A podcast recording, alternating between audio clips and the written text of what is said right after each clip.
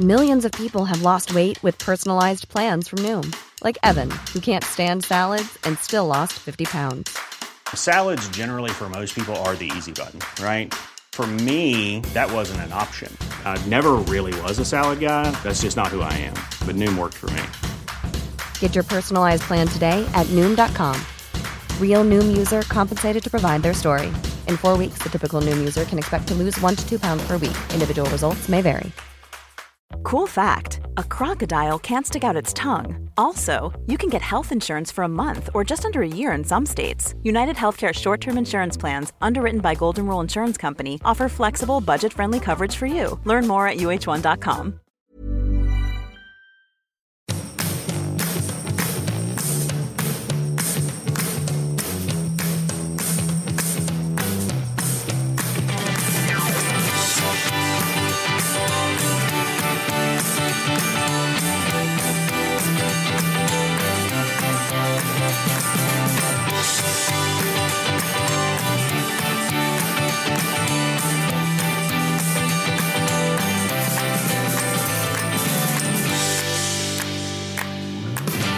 tänkte säga hejsan svejsan men så tänker jag så här att jag kanske måste så här, ta tagga ner med mina gammelord.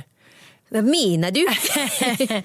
Gud, vad var det jag sa igår när eh, vår barn, barnvaktshjälp sa så här, men gud ingen säger så där längre. Jag bara, nej men det är väl bra, man förstår väl tydligt vad det betyder. Bara, Saker man säger som får en att känna sig ung.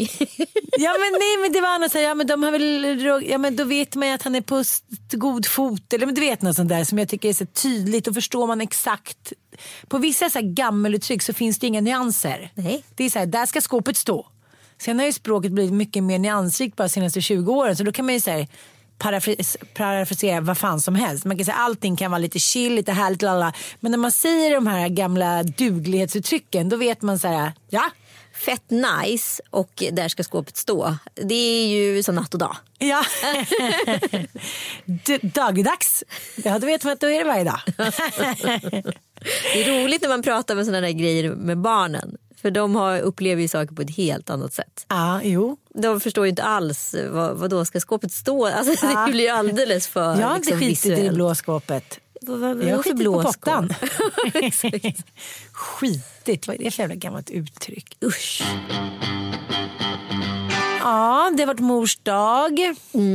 Jag delade ju Mm. Och ut Champions pris. League. Ja, och gud vad mycket. Jag är lite skakig idag. Jag delade ut pris på den där mammagalan igår. Jag var jävligt stekt inför det. Alltså. Så här, när, verkligen nervös. Jag tyckte det var så här, jag tror att det handlar mycket om att det, så jag inte har min egen mamma här på jorden. Och då blir det väldigt känslosam den dagen. Den är så full av känslor som jag inte riktigt orkar ident- identifiera. Så att, då är det bara så här massa känslor som flyger omkring. Och sen ska man samla dem och stå så i direktsändning och liksom hålla en på och dela ut ett pris. Och det, är liksom, det blir skakigt. Ja. Det gick jättebra men eh, jag kuppade in då en liten hälsning till mamma. Ja.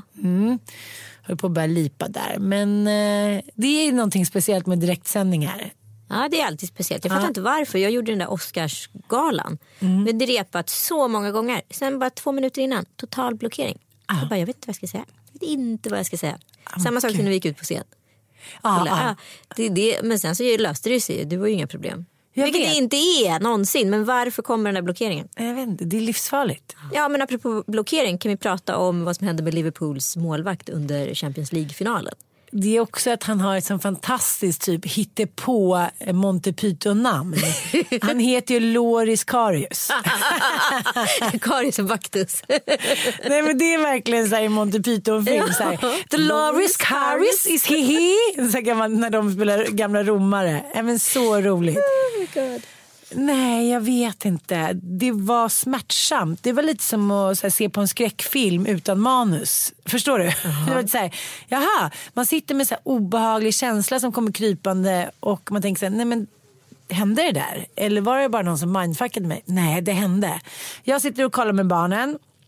Eh, ja, men det var ju så här en happening. Det var lördag kväll, det var popcorn, det var Donken. Nu skulle vi kolla på så här Champions League-finalen. Champions League. Champions League-finalen. Och det är Real Madrid som jag hejade på. Oj, det ser man. Det kommer ett lag så tror jag säger idag, idag är jag Real Madrid. Ah, jag känner det. Idag Real kvällen så ändrade jag mig till Liverpool. Ah. Don't you worry. Eh, ja, men sen är det Cristiano Ronaldo, Luka Modric. Så det är liksom hela, hela ligan. Och sitter ju Dante där och så måste man ju låtsas att man, min, min 12-åring som är fotbollsfrälst. Ja, men eh, hur som helst så eh, den här stackars eh, målvakten då. Eh, Lorius Karis. Nej, men han, får, han tar bollen, eh, räddar bollen eller liksom bara tar bollen och ska direkt köra så här, ja, men som målvakter gör, kasta ut bollen när de har stått stilla några sekunder, kollat läge. Sekunder, vi pratar hundradelar. Jo men jag menar, jo, men jag menar så när de har Ja, men när tagit de tar bollen. bollen så ska de kasta ut den till någon eh, spelare i samma Jo lag. men kanske inte om liksom eh, Karim Benzema står 20 millimeter ifrån. Då kanske man väntar lite tills han har gått bort några meter och då kollar upp så här, vad är mina spelare och då kastar jag ut bollen. Men i någon så här euforisk stresssituation så bara kastar han ut bollen på hans fot. Ja. Ja, på Karims fot. Så det, ja men du vet. Ja. Som att du och jag stod en millimeter från varandra så kastade jag en boll på dig och så åkte den in i mål. ja, det är klart. Det blir Ja. en rekyl. Alltså det är reflexen som Precis. kickar in. Så det är då 1-0. Ja. Nej men det där tror jag, jag tänkte på det där, jag kommer ihåg så här, magiskt ögonblick under så här, VM 94.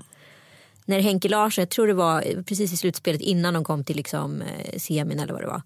Eh, att han har helt öppet mål. Han är ganska ny då som spelare. Så han, har liksom blivit, han har spelat typ en och en halv match. Och det här är hans andra halva liksom, som han spelar. Och du vet ett helt öppet mål och bara han där. Det är inte offside, allt är liksom klart. Och han bara kan inte sparka in bollen i mål. Alltså jag tänker att det blir någon sån otrolig blockering när det är såna stora mästerskap. Ah, det- ja, men det fattar jag. Men man kan ändå jämföra lite med galan igår. När det är live on tape eller man gör, spelar in innan. Då kan man ju rätta till. Oj vad tokigt det blev. Men när, liksom, när det verkligen gäller. Ja. Man, man känner sig också ärad att Ah, få ja. vara med. Och det gör ju de också. Det är så stort. Det är många som tittar. Det är någonting som är betydelsefullt. Ja, Då betyder Champions- någonting och det ska betyda någonting. Champions League är så otroligt stort. Det är ju, liksom, det är ju så här, EM-finalen är ju typ under Champions League-finalen i status. Ja, ja. Det är ju VM är ju det största och det är ju som tur var nu i sommar. Det är jag faktiskt riktigt pepp för. Men det är så himla intressant tycker jag. Så här, när man bara, det är som att en tiondel sekund så är man bara så här, nej men gör inte, nej men mm, boink. Och sen gjorde han en blunder till va? Och sen kommer ju då Bale in, den petade, han som var petad då. Han kommer in då efter, ja, ja inte vet jag hur länge det var. Och gör ett, det snyggaste målet man någonsin har sett, en sån här galen bicykleta. Så då står det ju liksom 2-0, sen blir det 2-1 och sen så kommer den där 3-1. Att den här Bale då som kommer in, han som har gjort ett mål, eh, men bara så här, slår iväg bollen lite på måfå, långt ifrån målet. Och han tar den liksom och sen så som att det är liksom en ål som glider genom små fingrar och in bakom och så står det 3-1. Och det är bara så här, det är så sorgligt för jag tänker så här, det går inte att göra någonting för det var inte en vanlig allsvensk match eller, utan det var liksom, det var mycket som stod på spel. Och så efter matchen så kommer så här Real Madrids eh, spelare fram och tröstar honom. Men ingen, han blir inte ens tröstad utav sina egna. ingen från Liverpool. Han är så här ratad, hatad. Han kunde lika gärna ligga och dö där. Ingen hade brytt sig just då. Det är få grejer som frammanar sånt hat. Av liksom, de lojala fansen, hur deras liksom, lojalitet kan vändas inom en tiondels av en sekund till så här, hat, förakt, lynchmobbstämning. Spännande. Men det där tycker jag är så spännande för det kan man ju aldrig prata nog om när det kommer till så sociala medier. Att så här, följare är inte fans. De är ju århundradets kappvändare. Liksom. Att så här, det är ingenting som säger att bara för att de följer dig och är aktiv i ditt flöde att de nödvändigtvis alltid håller med dig. Så kommer det liksom en stridström mot. Då vänder man på ryggen. Ah, jag har alltid tyckt jag visste. Och sen så två dagar senare ska man gå tillbaka igen. Det finns ingen lojalitet. Men det att få fans att vända kappan efter vinden. Det är starka känslor. Det är starka känslor på riktigt. Ja. Oj, oj, oj. Men vad är, vad är det snacket efter då? Nej, det är typ stackars människa. Men jag kan ju komma ihåg det där själv när man bara spelade fotboll på skolan och någon gjorde något misstag. Eller när jag spelade, liksom, jag spelade ju fotboll fem dagar i veckan. Hur man inte kunde liksom hålla igen ilskan och så här föraktet man kände när någon gjorde ett misstag. Att det liksom på något jävla sätt finns i den mänskliga naturen att så här, när det handlar om sport och liksom tävling. Ja, det är hemskt. Det är hemskt. Ja, nej, det var som Simon Bank då, krönikören i Aftonbladet skrev så här, You never walk alone skrev han i sin krönika på slutet. Bara, jo, man har aldrig sett en ensammare människa typ. Men vilken tur att mors dag kom där som ett brev på posten. Jajamensan, och som vi blev firade med presenter och guld. Och juveler. Myrra och kungligheter. Jag tycker ändå att jag hade tjatat på lite nu. Så här, imorgon är mors dag, jag vill ha lite presenter. Frukost på sängen. Jaha, du regisserade din egen mors dag? Men alltså jag har ju sex killar där hemma. Ja, jag regisserade. I'm fucking queen of Saba fast liksom med världens minsta krona. Intäkt, det vet vi. det är så liten. på sniskan. Morgonen kom, Mattias vaknade, så jag låg och kollade lite på telefonen. Jag bara, nej men det är inte sant. Det är alltså bortglömt. Och nio. Jag försökte lite till, lekte lite med barnen och sen så kunde jag inte hålla med. Och du vet, jag hatar den där rösten. Bitterfitte morsa-rösten som ska så här, läxa upp min son. Du vet den. Okej. Mm. Okej. Mm. Du kunde inte komma ihåg det. Ännu, du vet. Han bara... Som en avlöning bara puff. Och så kom han tillbaka och så gjorde han sin paradrätt. Jag fnissar redan. Nej, Det är så roligt med Mattias för ibland gör han de mest triviala saker och får att Liksom, han framställer det som att det vore en världssensation. du fattar, en så här, ungefär som han hade kommit på liksom något nytt recept för så här, the youth for life. Eller så här, liksom att han hade gjort en matlagningsgrej som var på i typ tre dagar och bara så här, känner den här smaksensationen. Man bara, jaha. som Kalle när han heter, stoltserade med att, han hade en egen, att familjen hade en egen sås som heter Schulmansåsen. Vet du vad det var? Bea. Men, Majonnäs med ketchup. Upprört. Schulmansåsen. Två komponenter, det är en grogg. men bara alltså, som man gör när man är på Donken. Man tar majo och så har man i lite karre. Ja, mer med det. Sensation. Ja, men lite samma. Och då eh, ska du få höra, då gjorde han eh, för andra gången nu, sen vi träffades för fem år sedan, sensationssmak. Håll i er nu.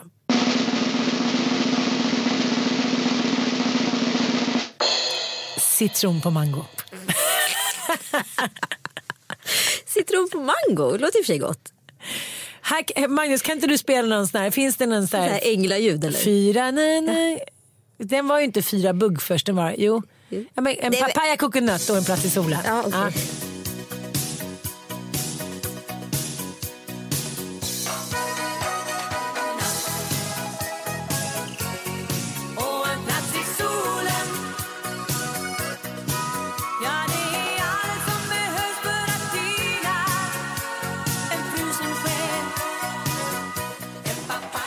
hade vi Kikki D, en papaya coconut. Det är lite så här, det här är hans plats i solen. Och det är jättegott. Men, men när han för tredje gången sa så här, det är helt otroligt gott med citron på mango.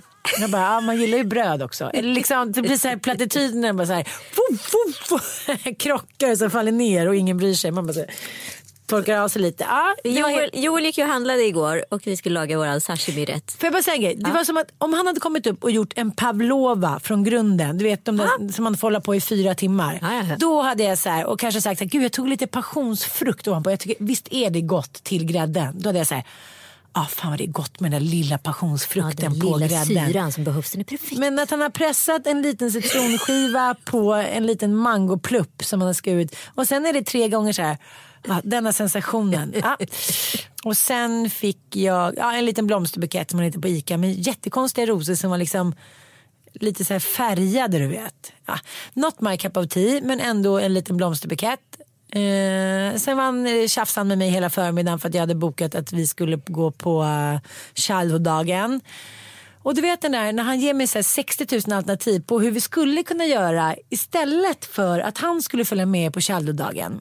Så till slut är det så många alternativ så man är så här, skriker bara så här. Okej, du behöver inte följa med. Jag tar med mig barnen, jag sätter dem i en liksom, Uber sen, tar det lugnt. Och sen det där att han aldrig kan besluta sig.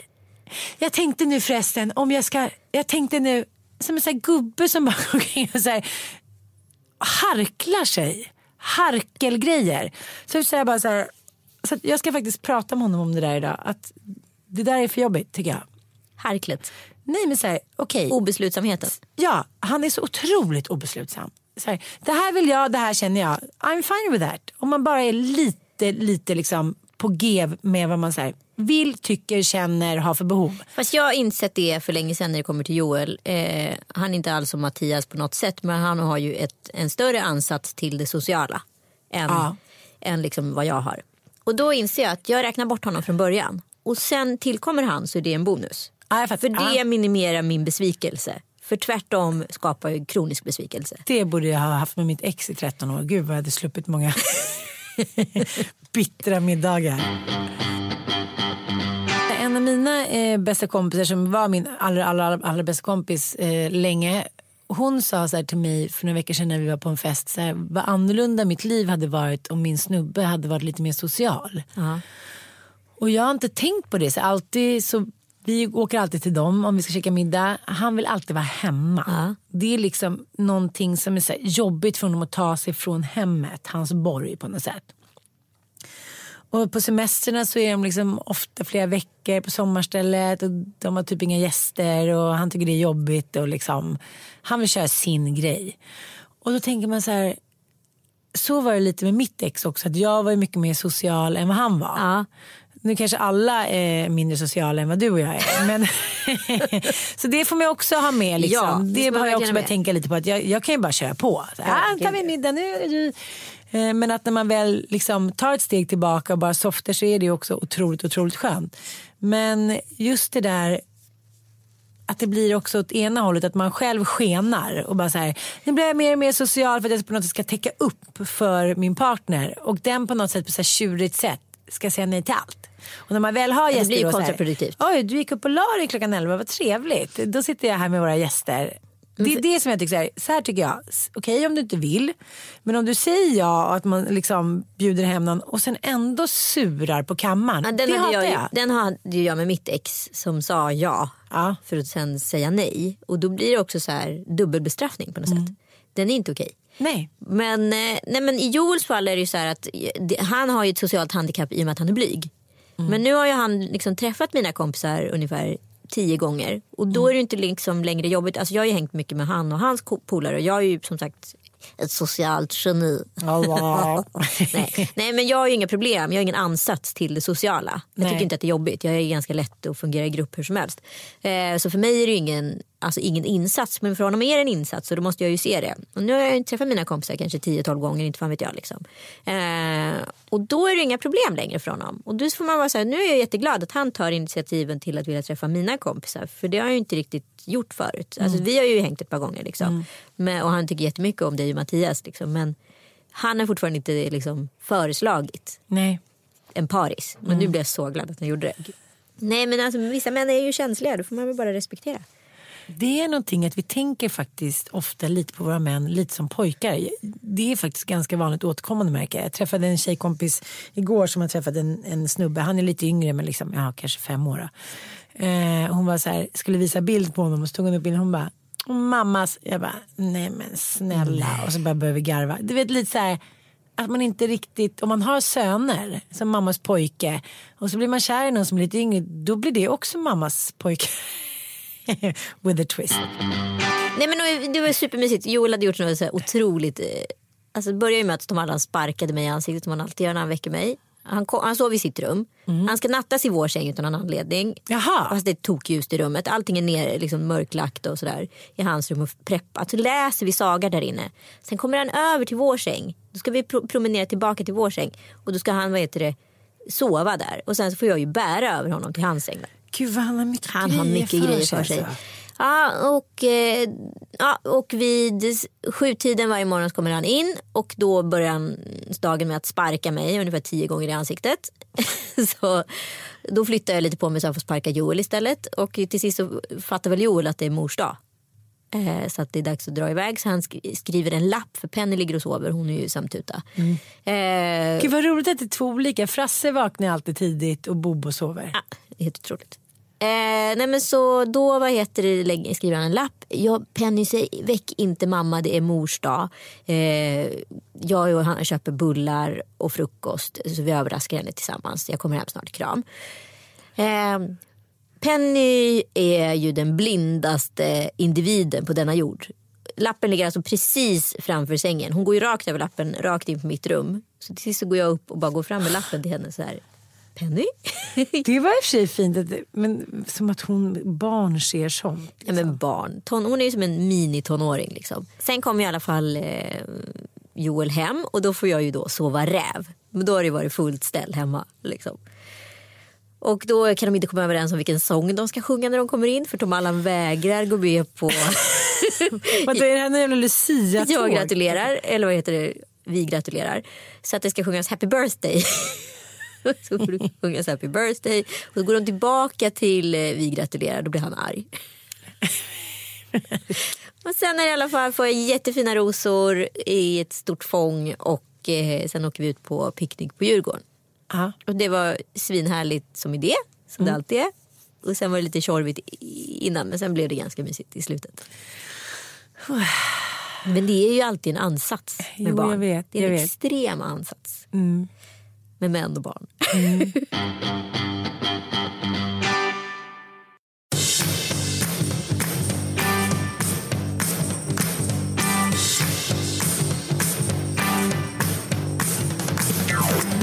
Men du, nu måste vi prata om mamma-galan. Det måste vi göra. Ja. Eh, det är något härligt när så här, Women Unite. Det är så, som en så här, stämningshöjare som inte behöver höjas. Bara när galan började där så var alla som satt där så Det var ju på kanal 5 så det var ju... eh, Var var det någonstans? På? Berns. På Berns, Det är ändå mysigt där, eller spegelrummet. Det är perfekt tycker jag för minikini-galor. Absolut. Och det var ju för Läkarmissionen som eh, skulle då samla in pengar för att eh, kvinnor ska få föda säkert. Och jag menar, om man tar Tanzania och Kongo där det är väldigt hög både dödlighet för kvinnor som föder och för barnen. Så, så här, det kostar ju bara 150 spänn att betala en säker förlossning i de här länderna. Otroligt. Ja, och annars liksom, jag träffade en läkare i somras som jag pratade lite med på Gotland. Han har jobbat där i typ 30 år. Och det är verkligen så att de föder på jordgolv bland smuts. Och till och med hans dotter höll på att stryka med för att men du vet, man tänker inte på det på samma sätt där kanske. Det är inte liksom det är inte Men samma på vilket tradition. sätt höll hans dotter på att stryka med? Nej, men han och hans fru jobbade som läkare. Jag tror att det var i Kongo. Det här, hon är ju 40 nu så det här var kanske 38 år sedan. Men de hade liksom, de tog hem, de var ju förlossningsläkare. Han var förlossningsläkare och hans fru var barnmorska. Så tog de ju hem eh, och tvättade med sina kläder med blod och bakterier och allting varje dag. Och så la de ju det i tvättrummet och där var ju hon och lekte. Nej men gud. Ja, så hon fick ju någon så här parasit... Eh, Oh my god. Ja, och höll på att dö. Och liksom de, du vet, de var ju så uppe i sitt och rädda liv och det här är ju verkligen eldsjälar. Så till slut var det liksom en nanan där som var så här, Anna eh, hon är sjuk liksom. Jag tror att hon typ håller på att dö. De bara, va? Så bara, jaha. ja, Missions, missionsbarnsyndromet. Ja, precis. Så hon höll verkligen på att stryka med henne. Så, men det var väldigt häftigt att höra honom berätta. Och han har ju då i sitt hus på Gotland byggt massa extra hus runt om. Och varje sommar då, inte senaste åren, så kommer då eh, läkare från de här länderna som han utbildar då på Gotland. Wow vad Ja, häftigt. så häftigt. Gud, men så här, alla kan göra något. Det kan man verkligen. Men du var väldigt tagen och rörd och nervös eftersom det var direktsändning och allt. Det är ju det att eftersom min mamma inte finns längre och inte har gjort det på liksom mer än 20 år så tänker man att så här, ja, men man har vant sig. Men det har man inte. Det vet man ju själv när livet tuffa på. Man säger men gud, det har gått ett år till. Livet går fa- liksom fort men vissa känslor är så befästa i kroppen och just den här mammakänslan är ju det. Ha, och sen så tänkte jag så här innan jag skulle in, då har man suttit där i två timmar och är så här full of feelings och så är det ändå direktsändning och man ska hålla sitt lilla liksom, tal man ska säga. Och så tänkte jag på det som du och jag pratade lite om, eller som jag pratade med massa människor senaste tiden. Att så här, även om det är en superstar som Avicii så går det några veckor och sen så går vi vår vardag och sen är livet lite som vanligt liksom. Det, är så här, det är det priset man får betala för att vara levande. Att så här, du är levande, då får du vara med i leken. När du inte är det längre, då, ja, då är du borta liksom. Och jag tänker ofta på det där med min mamma. Det är så här, ja, hon finns ju inte mer. Hon är inte med längre liksom. Nej. Och då tänkte jag så här, det är bara liksom en, en boktitel som etsar sig fast i mitt huvud hela den här veckan. Att jag bara vill skriva en bok som heter så här, är det någon som minns min mamma? Vad fint. Och så tänkte, jag har tänkt på det i flera år. Innan så tänkte jag att boken skulle heta Småland. Så tänkte jag att jag bara ska sätta mig i en bil och så ska jag bara åka runt och så här, träffa de människorna som mamma umgicks med. Så bara, ja, men mina egna tankar Ja, och deras. Är det en bra bok? Det är väl en bra bok. Ja. Ha, och så då var jag så här, när jag kom in så tänkte jag så här, men gud, jag måste säga något om min mamma. Och så gjorde jag det. Och det var ju, ja, men det var både bra och jobbigt liksom. Ja. Men eh, ja, men jag var lite skakig, det måste jag säga. Men allas mamma, alltså Lill-Babs hyllades ju där Ja. också. Och det var Carola som framförde någon, eh, Måste ändå ge Carola, hon är ju larger than life. hon är det ja. Ja men alltså när man sitter där i sminket och hon kommer in. Så bara, man bara okej, lilleputtan. Jag, bara, jag går och sätter mig där så länge så här. Hon bara kommer in och tar sig en plats och det är snack om dekolletage och det är hit och dit och det är liksom. Hon är i rummet, hon är liksom vår sista diva. ja men hon, Hon är en- Maria Callas, hon Ja, är men liksom hon är Birgit Nilsson. superstar. Ja, hon är jag, verkligen jag har jobbat med henne ett par gånger. Eh, och träffat henne på lite privata luncher och sånt där. Det är någonting när hon kommer. Jag vet. Den allsmäktige. Jo men det där har ju varit massa snack om att hon har haft vänner som nästan har så här ruinerat sig för att kunna hålla fester för henne och vara hennes vän. Och det är någonting med henne som gör att folk blir liksom tagna. Ja. Jo men det finns ju några få människor i Sverige som kan ro hem liksom den där vad ska jag säga, upphöjda divastilen som man ändå så här, tycker är okej. Och det är typ Zlatan, Carola. Fast nu måste vi prata lite om Zlatan. Nej men alltså vad håller Zlatan på med? Alltså jag har aldrig... Den enda som tycker att Zlatan är ball just nu, det är fan Zlatan själv. Det är ingen annan som köper Zlatan längre. Nej men fattar han inte att han så gräver sin egen trovärdighetsgrav? Nej men det är helt otroligt. Alltså jag är så, tycker att Zlatan är så töntig. Också när han pratar om sig själv nu för tiden i tredje person och är det Zlatan-effekt och allt vad det nu är. Det finns ingen Zlatan-effekt längre. Den enda jag- som tror på Zlatan-effekten är Zlatan själv. Men jag tror att han tror att det där är liksom en cool skön stil. Men tänk- Förlåt mig, LA Galaxy, alltså det är dit fotbollsspelare kommer att dö. Det är där deras karriärer dör. Elefantkyrkogården, det är dit de kommer. Liksom. Då, kan man inte, då kan man inte prata om det Zlatan-effekt. Han ska bara vara cool nu, signa off och göra en David Beckham. Liksom. Men du kan väl identifiera den där känslan när man håller på att tappa stinget. Du vet ju själv man har varit i en relation och sen så typ har man varit hos terapeuten så går man därifrån så ska säga en kille då som vet att man inte är kär i honom längre säga så här. Mm, jag träffade den där och den där tjejen igår. Man bara jaha. Ja, trevlig. Hon gav mig öga typ. Man bara, men who cares? Ingen bryr sig längre. Och då blir man desperat och då blir man så här Hail Caesar. Då blir man så här lite halvknäpp och vill vara kvar där uppe så jävla gärna. Så det är då man börjar här, se sig själv som så här God himself. Men Man måste väl kanske göra det och prata om vissa effekter och sådana där Det är lite som Tiger Woods. När man så här, är larger than life och sen så gör man någonting som gör att man puttas ner från tronen. Då blir det så himla himla ynkligt när man så här, ska ta sig tillbaka. Usch. Men jag är mer så här oroad på riktigt för Zlatan. För att så här, han har ju varit, han har haft ett mönster i sitt liv. Han har spelat fotboll så många timmar per dag i hela sitt liv. Det är det enda han kan. Vilket jag tycker blir så fånigt man försöker göra honom till en bra businessman som har koll på investeringar. Han har ingen jävla aning. Han har lirat bubba liksom. Kom igen. Han är inte bättre affärsman än någon annan. Råkar ha kapital men det gör inte honom till en god affärsman. Kolla på hans investeringar. De är jättemärkliga. Förlåt, jag är hård. Jo, men alltså- jo, men vad ska han göra efter fotbollen? Jag förstår att han har panik. Men han måste sluta snacka om Zlatan-effekten och vårda sitt varumärke. Som den lilla varumärkeskonsult jag är så kan jag faktiskt säga det. Jo, jag håller med. Men det som har varit hans liksom, problem är ju att han börjar tänka varumärkesstrategi alldeles för sent. Och då fick han panik och började så här, hej vilt veva in olika märken och tacka ja till allt. Men hur kan Helena ställa upp på det här?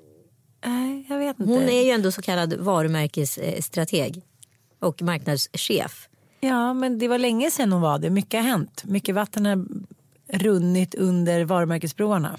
Absolut. Hon så kanske inte riktigt har hängt med. Nej, mycket möjligt. Men då måste jag eh, sist men inte minst prata lite om David Beckham och Victoria Beckham. Mm. Varför kan hon aldrig le längre? Varför måste Jag hon älskar vara... Victoria Beckham. Jo det är klart du gör för att du vill vara hon. Nej, jag vill inte vara hon. Jag tycker hon är så... Hon är en sån perfekt match till honom. Ja, men, Han är ju crazy bananas. Men alltså jag, jag har ju alltid så hittat på något frikort när du frågar när vi så här, små frågestunder. Mitt frikort är, så säger du att du har alltid sån koll på vilket som är dina frikort. Jag är så här, hittar på någonting för att du ska vara nöjd. Boho, stackars dig. Nej, nej. Men när jag träffade David Beckham i The Miami. Så jag kan inte sluta tänka på. Han är mitt... Måste det vara frikort? Kan det inte vara kort? Nej, men han är, han är, five kids. han är ju härligskap. Han är så jävla härlig skap och han har också den där auran att han, så här, han, han, liksom, han glöder. Han glöd. Han har en aura. Eh, men då skickade min kompis Maja Blix en film till mig eh, häromveckan när hon bara så här, kolla på det här. Han sitter och firar sin födelsedag med Harper och Victoria. Ja, Och så kommer hans äldste son in och han vet inte om det. nej. Eh, vi kan lyssna lite på hur det låter.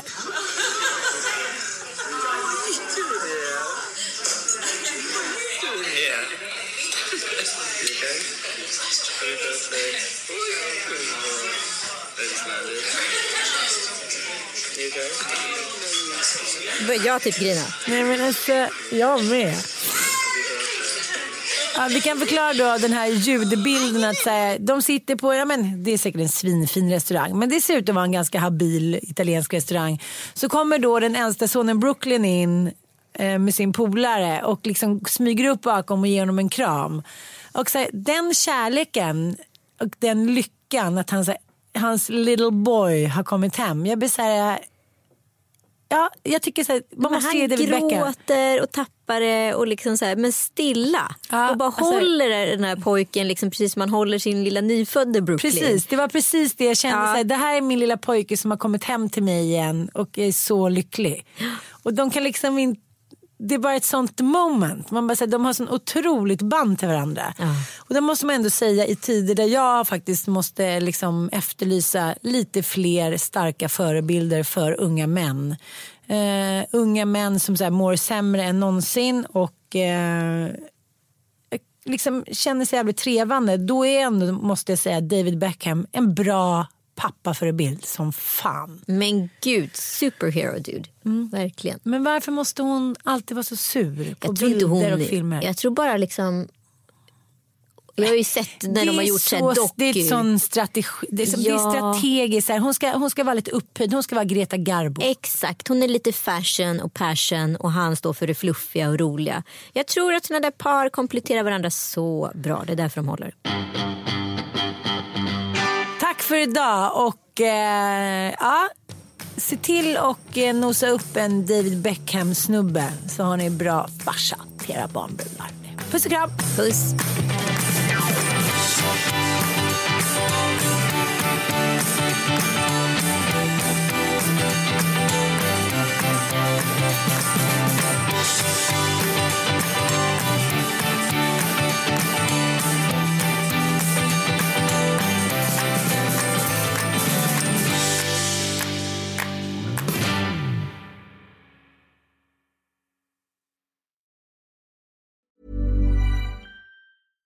Imagine the softest sheets you've ever felt. Now imagine them getting even softer over time. That's what you'll feel with Bowl and Branch's organic cotton sheets. In a recent customer survey, 96% replied that Bowl and Branch sheets get softer with every wash. Start getting your best night's sleep in these sheets that get softer and softer for years to come. Try their sheets with a 30-night guarantee. Plus, get 15% off your first order at bowlandbranch.com. Code BUTTERY. Exclusions apply. See site for details. Even when we're on a budget, we still deserve nice things. Quince is a place to scoop up stunning high-end goods for 50 to 80% less than similar brands. They have buttery soft cashmere sweaters starting at $50, luxurious Italian leather bags, and so much more. Plus, Quince only works with factories that use safe, ethical, and responsible manufacturing. Get the high-end goods you'll love without the high price tag with Quince. Go to quince.com/style for free shipping and 365-day returns.